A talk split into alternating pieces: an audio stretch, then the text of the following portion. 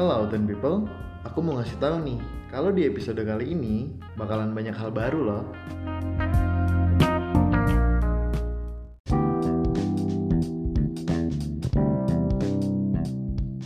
Halo Autumn People, ketemu lagi nih sama aku Izo.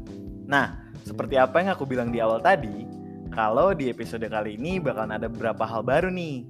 Oke, langsung aja nih kita menuju ke hal baru yang pertama. Jadi, mulai hari ini aku nggak akan nge-host sendirian lagi nih.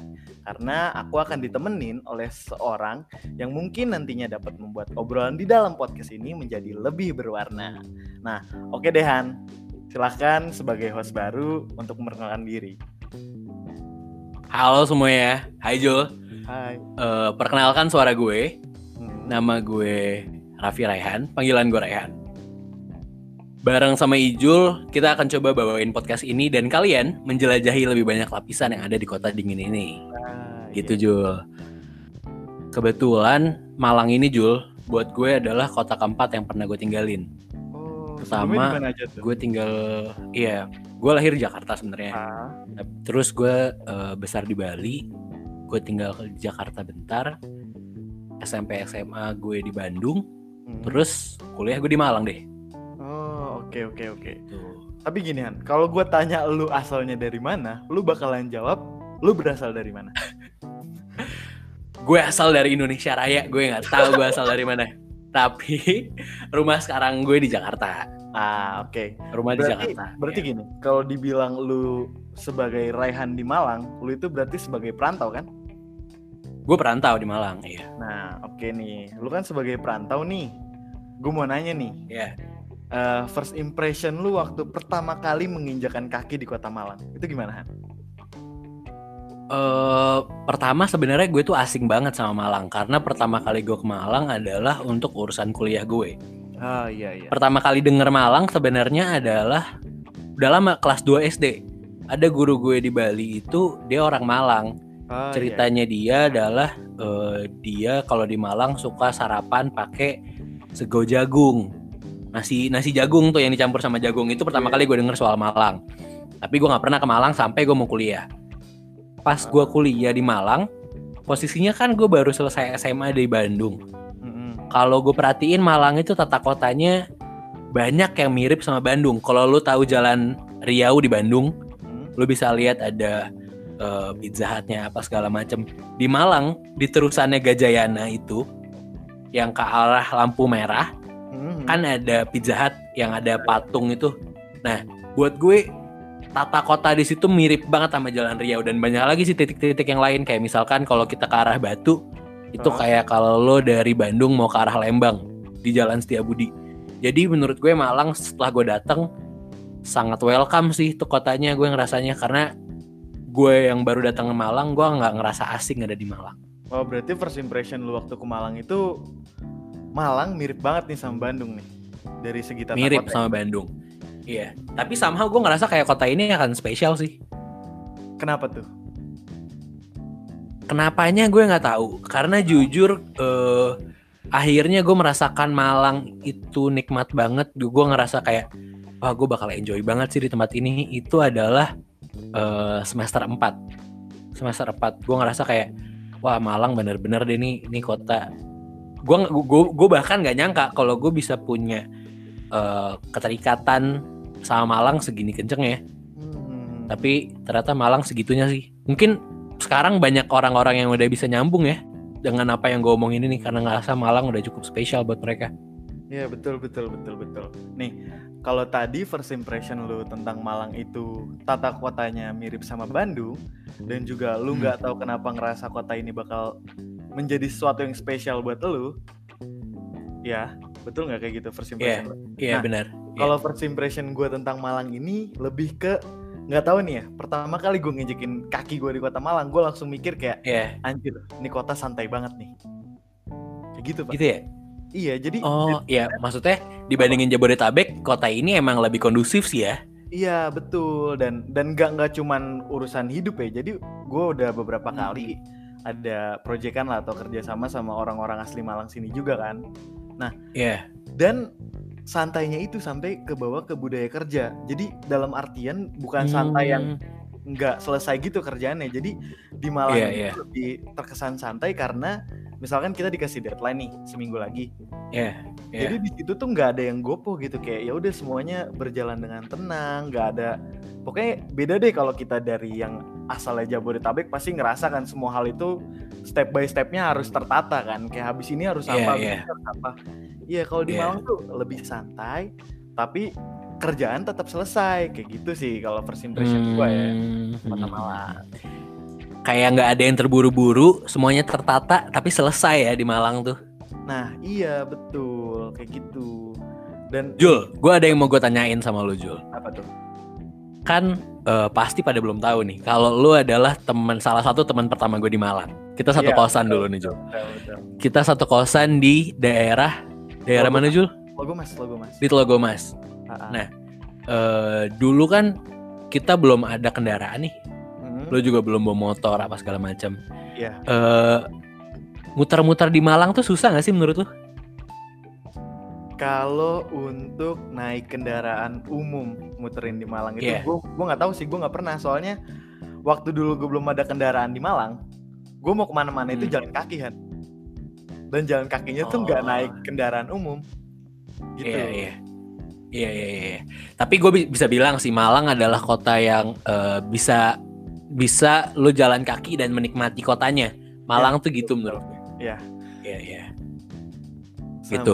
Jul, kan dari tadi kita udah bagi pendapat kita soal eh, Malang. Pengalaman awal-awal kita lah di Malang. Iya, Nah. betul, betul. Eh berapa waktu kemarin Hmm. Alvan Magazine lewat Instagramnya udah pernah coba untuk kumpulin eh, pendapat dan pengalaman-pengalamannya juga dari Alvan People atau followersnya Alvan Magazine. ah iya gitu. iya iya Kayaknya banyak yang menarik yang bisa kita bagi juga deh Jul. iya betul betul betul betul bisa banget nih Ah, mungkin bisa dari gue kali ya bacain responnya Boleh boleh. Nah, jadi pertama nih ada respon dari Muhammad Ishak. Dia bilang waktu dia ke Malang itu dia Hmm. ketemu sama cewek yang mirip mantannya dia. Wah. itu itu itu itu gue itu gue relate banget kan. Sumpah. Iya iya iya iya. iya. Berarti lo ngalamin hal yang sama juga? Iya, betul dan gimana ya mau dibilang, mau Wow. dibilang rasanya nggak enak tapi i- i- gimana pokoknya jadi pengalaman deh. Jadi gini ceritanya Han. Jadi waktu Ya gimana tuh? sekitaran semester 2 tuh gue punya pacar lah. Jadi dia bukan kuliah di Malang, dia kuliah di Yeah. luar Malang. Pokoknya semester 2 itu kalau nggak Yeah. salah kita udahan lah gitu kan.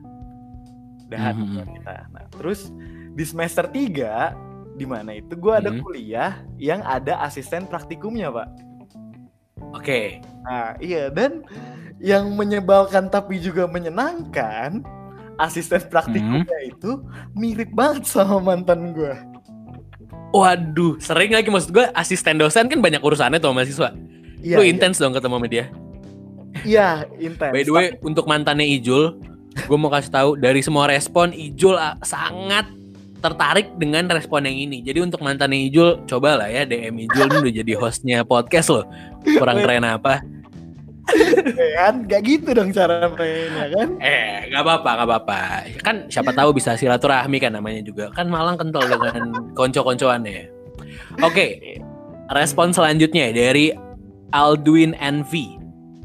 Bener ya banyak ya eh, respon-respon yang kita udah kumpulin, cuman kita pilih beberapa.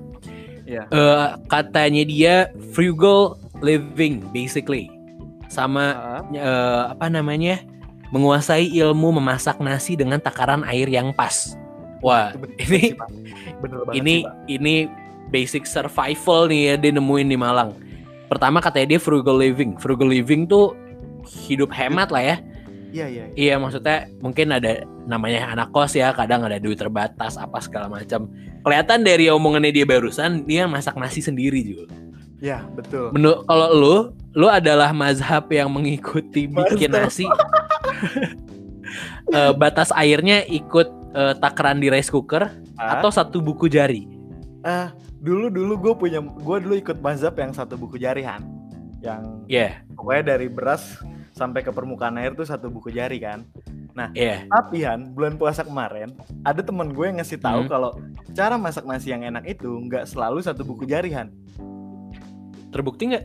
terbukti pak nasinya tuh enak jadi caranya gini nih jadi buat buat authentic people yang mungkin belum tahu juga nih cara ini bisa dicoba nih Hmm. jadi caranya itu pertama waktu beras kita habis dicuci dan belum dikasih air kita Iya. masukin dulu nih jari kita nih ke permukaan rice cooker sampai mentok gitu Iya. terus kita ukur berasnya itu di permukaan paling atasnya itu batasnya semana jari kita gitu nah udah gitu kita angkat tangan ki- eh, jari kita terus kita tandain tadi berasnya permukaannya di mana ya Oke. nah terus setelah itu kita isi air batasnya itu sampai kedalaman beras tadi Han kayak gitu cara masak nasi yang enak itu Han Tapi enak. enak udah Pak. udah lu buktiin itu. Udah gue buktiin soalnya beberapa kali waktu itu gue masak nasi buat temen-temen kontrakan gue buat sahur dan nasinya itu gagal karena gue selalu berpatokan sama satu buku jari Jadi- Oh, jadi oke, kejadiannya oke, itu oke. orang-orang lauknya enak pas mau sahur tapi nasinya keras ya kasihan. Ya udahlah ya. Untung lu menemukan cara masak nasi yang baru. nah itu pak Oke, lanjut Jul. Hmm. ke kita lanjut ke respon dari Ilyasa Dwi dia bilang banyak banget tapi yang paling utama adalah kedewasaan dan kemandirian bener nggak tuh kalau lu sih. bahkan bukan di Malang aja ya kalau perantau-perantau Hmm. itu seiring berjalannya waktu dia bakal menjadi seorang yang dewasa dan juga mandiri Iya iya iya. Karena kalau judul yang ngerantau mungkin ngerantau pas kuliah adalah pengalaman banyak orang ya. Iya iya Jadi untuk belajar kemandirian dan kedewasaan menurut gue itu adalah wadah yang pas karena mungkin di rumahnya eh, punya lingkungan yang overprotective misalkan atau segalanya udah di provide udah disediain. Jadi sekarang dia belajar untuk bisa hidup sendiri. Akhirnya jadi orang mandiri dan lebih dewasa. Menurut gue itu adalah pengalaman yang mahal sih sebagai perantau ya untuk bisa belajar dua hal itu langsung di lapangan. iya iya Gitu. Ya gue rasa itu semua orang sih pasti lu, dan lu ngerasain itu ngalamin itu. Gue cukup ngerasain itu sih. Walaupun ini bukan pertama kali gue ngerantau ya. SMP Ah, SMA gue udah ngerantau. Cuman waktu kuliah ini eh, lebih spesial karena gue beneran hidup di luar gitu. Kalau dulu kan Ah. gue di asrama doang gitu. Kalau sekarang udah ini sih. Maksudnya semuanya udah sendiri dari kosan segala macam lu atur semua hidup lu tuh ya udah sekarang deh waktunya. Hmm, berarti Gitu lu deh. ngerasain hal yang dirasain sama si siapa nih? Ilyasa Dwi tadi. Ilyasa Dwi iya gue ngerasain Oke. itu juga Nah, selanjutnya ada respon dari siapa lagi nih Han? Selanjutnya ada dari Indri ISRG. Itu aja ya bacanya ya. Iya iya. Dia bilang jadi bisa belajar bahasa dan keunikan dari berbagai daerah. Wah, ini benar sih Jul. Parah. Karena Malang adalah kota pelajar. Lu Hmm. pasti punya teman dari banyak daerah. Ya. Buat gue pribadi, ini random banget sih. Eh di jurusan gue di kelas internasionalnya, Hmm. gue pernah eh, satu kelas dan gue punya temen dia dari Gambia. Eh, Pernah denger nggak lu Gambia? Kayak, kayak enggak, gua gua gua pernah dengar, tapi kayaknya lu pernah cerita ini. Orangnya namanya Omar bukan? Bener, bener. Omar kalau denger, lo you are my friend bro. Jadi kalau buat lo yang nggak pernah tahu Gambia ada di mana, Gambia ada di Afrika Barat. Lo harus zoom dua kali dulu paling nggak, baru lo ketemu itu negara. Iya iya. iya. Iya, maksud gue Malang sedivers itu. Jangankan dari yang dalam negeri, maksud gue dari luar juga lo bisa banyak ketemu orang macam gimana pun juga, kayak gitu loh. Nah, tapi bener sih budaya dan itu banyak bisa lo temuin hal barunya di Malang. Gue gua mau nanya nih. Lu lu udah belajar apa aja dari Mas Omar ini? nih? dari Mas Omar. Wah, sebenarnya banyak soal kayak makanan-makanan di sananya kayak gimana, udah gitu.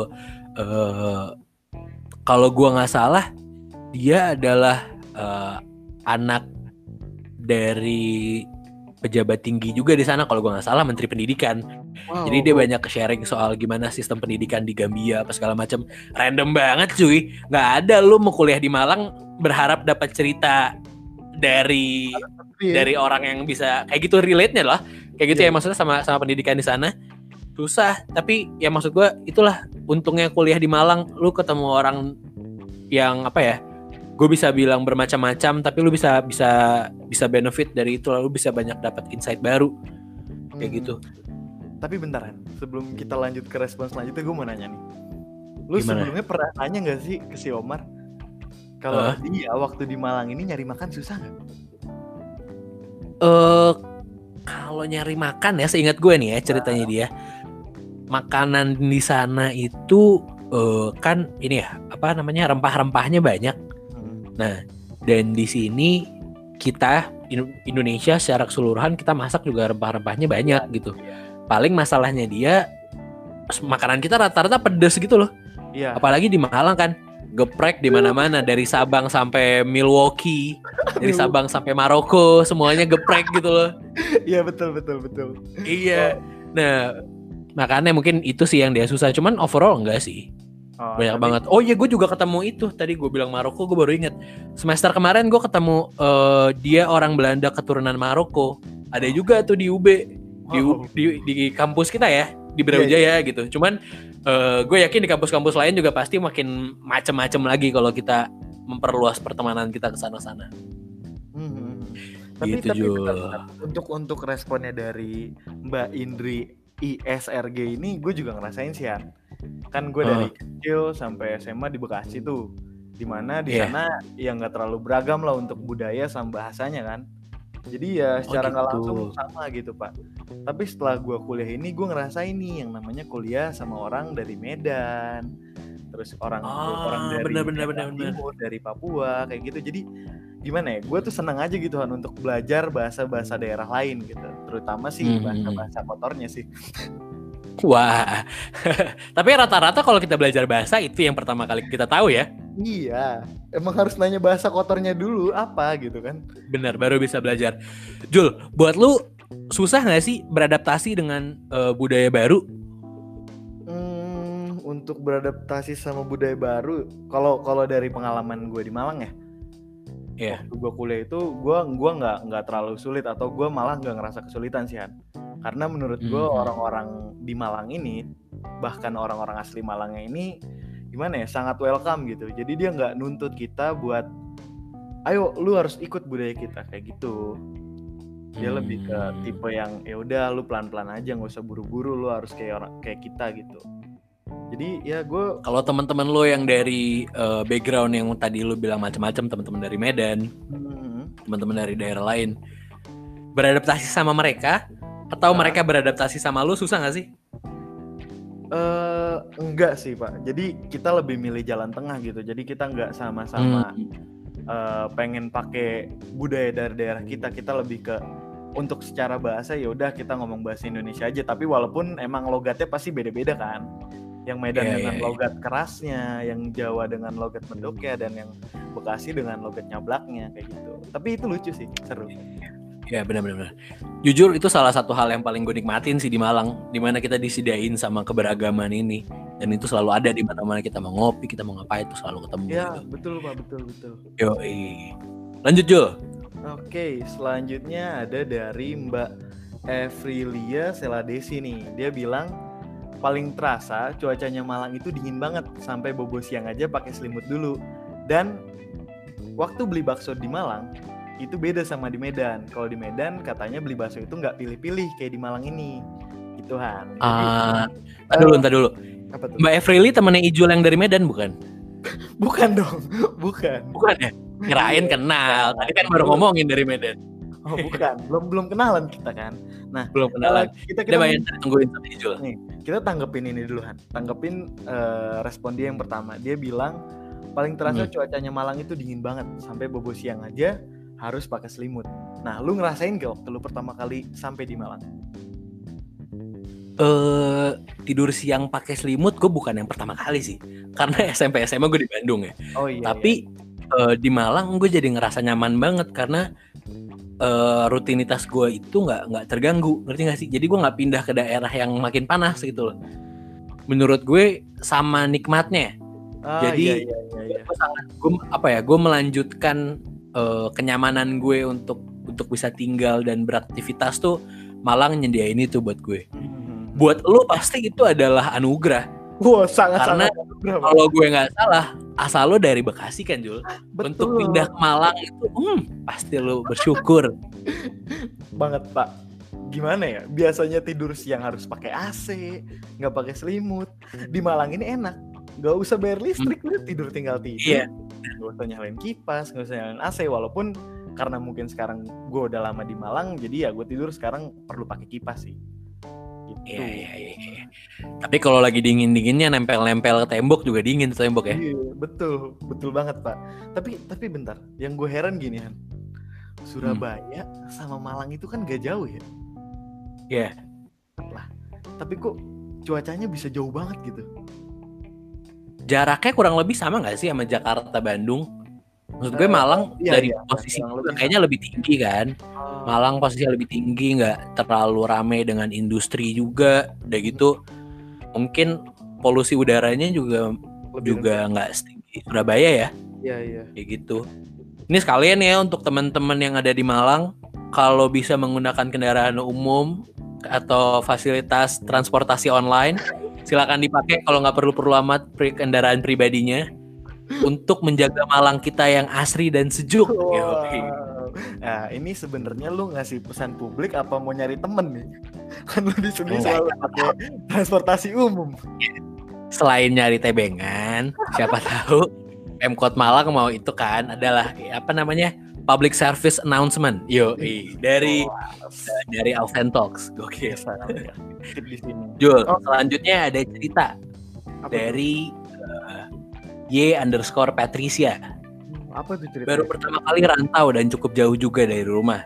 Terus pertama kali ngerasain pandemi yang ngebuat diri terbenam di kos. Setiap hari dia di kosan. Gue jadi bisa refleksi diri selama gue hidup ini terus belajar ningkatin self aware gue. Ini pengalaman pertama dan bakal jadi pengalaman terakhir. Amin. Terkunci di Malang dan gak bisa balik ke pulang kampung. Tapi gue bersyukur karena gue masih bisa dikasih atap buat berlindung dan alas untuk tidur. Wah, Wow. ini lumayan dalam sih Jul. Iya. Pertama betul. pasti berat ya buat teman-teman semua yang eh, baru pertama kali ngerantau udah gitu eh, nggak bisa pulang karena kondisi ini. Eh, di kesempatan ini juga mungkin kita kirim ini Jul ya doa dan respect untuk eh, para tenaga medis yang masih Iya, iya. berjuang di luar sana, teman-teman yang mungkin terdampak atau keluarganya ada yang terdampak dari kondisi ini. Semoga semuanya sehat-sehat dan bisa kembali ke normal baru yang kita semua bisa produktif lah ya. Ya betul betul. Gitu. betul.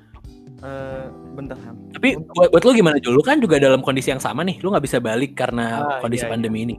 Lu gimana? Kalau menurut gue sebenarnya kalau dibilang sedih ya sedih karena kan udah lebaran kemarin ada lebaran dan gue nggak bisa pulang ketemu keluarga kan. Sedih, Iya, iya. sedih, sedih. Tapi eh, sedihnya ini bukan karena tanpa tujuan, di mana gue nggak pulang ke tempat asal gue dengan tujuan biar keluarga keluarga di keluarga keluarga gue di rumah nggak tertular nih. Takutnya kan gue dari Malang ke tempat asal gue sebagai carrier niatnya pengen Iya benar. silaturahmi malah ngasih penyakit kan Iya benar benar benar. Bagus tuh. Kayak tadi Mbak eh, Patricia juga bilang kalau dia masih bersyukur karena masih bisa punya atap untuk berlindung dan alas untuk tidur. Nah, menurut gue ini orang sih. dewasa banget kan pemikirannya Gitu dewasa banget kan iya iya karena loh. dia bisa masih bisa ngelihat hal positif dari keadaan yang bener-bener nggak bagus buat dia Iya iya iya iya. Dewasa. Siogianya itu sih maksudnya kalau kita mau mau bertahan di kondisi sulit, kita harus bisa bersyukur dengan keadaan sulit kita karena kita bukan yang paling sulit gitu. Bayangin kalau teman-teman kita yang kurang beruntung ya atau misalkan orang-orang yang kita lihat di jalan yang nggak punya rumah, yang nggak punya alas untuk tidur tadi yang Mbak Patricia bilang. Semoga teman-teman bisa dapat eh, pertolongan ya segera dari siapa pun lah tangan-tangan baik. Tadi kita udah banyak dengerin nih Jul ya dari teman-teman kita. Iya. Nah, eh, selanjutnya kayaknya di podcast ini banyak berita baru kayaknya Jul yang mau lu sampaikan. iya nih Han jadi ada mungkin ada satu hal baru lagi nih yang pengen gue kasih tahu ke pendengar kita Apalagi tuh Jul? mulai minggu ini podcast kita itu akan resmi tayang dengan nama Oten Talks nih Hmm, jadi gitu Alten People. Buat kalian yang nanti mau cari kita di Spotify, Anchor, bisa cari kita di nama Alten Talk. Gitu iya betul oh iya jadi eh, jadi lagi Eh, mungkin sebelum episode ini berakhir kita bisa kali ya kasih bocoran sedikit tentang siapa sih yang bakal jadi bintang tamu kita di episode selanjutnya Oh boleh. Jadi bintang tamu kita minggu depan adalah seorang yang udah familiar, well known lah di Malang khususnya. Hmm, dan mm, kalau kalian warga Malang asli, mana mungkin sih kayaknya nggak tahu dia itu. Kayak Iya, mustahil pasti lah udah pernah tahu. atau enggak nonton dia. Iya, betul betul betul. Ada Iya. sedikit lagi nggak tuh bocoran yang mungkin bisa sedikit lebih spesifik gitu? Hmm, musisi, Oh. musisi asal Malang. Iya iya iya. Kalau kalau dari nama boleh dibocorin sedikit nggak kak? Nama eh, kalau nama panggungnya beda sama nama asli, semuanya juga gitu ya. Iya, hampir semua artis kayaknya gitu deh. Eh, apalagi ya? Nama panggungnya dia itu di absen pasti ada di absen-absen awal, absen-absen atas tuh. Nah, kalau kayak gitu mungkin uh, Autumn People udah tahu kali ya namanya Iya, dia itu tebak-tebak dulu aja ya. Selatan. Iya iya iya. Nah mungkin udah udah segitu aja kali ya bocorannya ya. Oke Biar deh. Ya Autumn udah. People mikir aja gitu siapa gestar kita selanjutnya. Eh, boleh tebak-tebak dulu aja deh ya. Oke. Thank you Alvan people yang udah dengerin kita. Eh, gua Revi Raihan. Dan gue Izo. Sampai jumpa di Talk episode selanjutnya.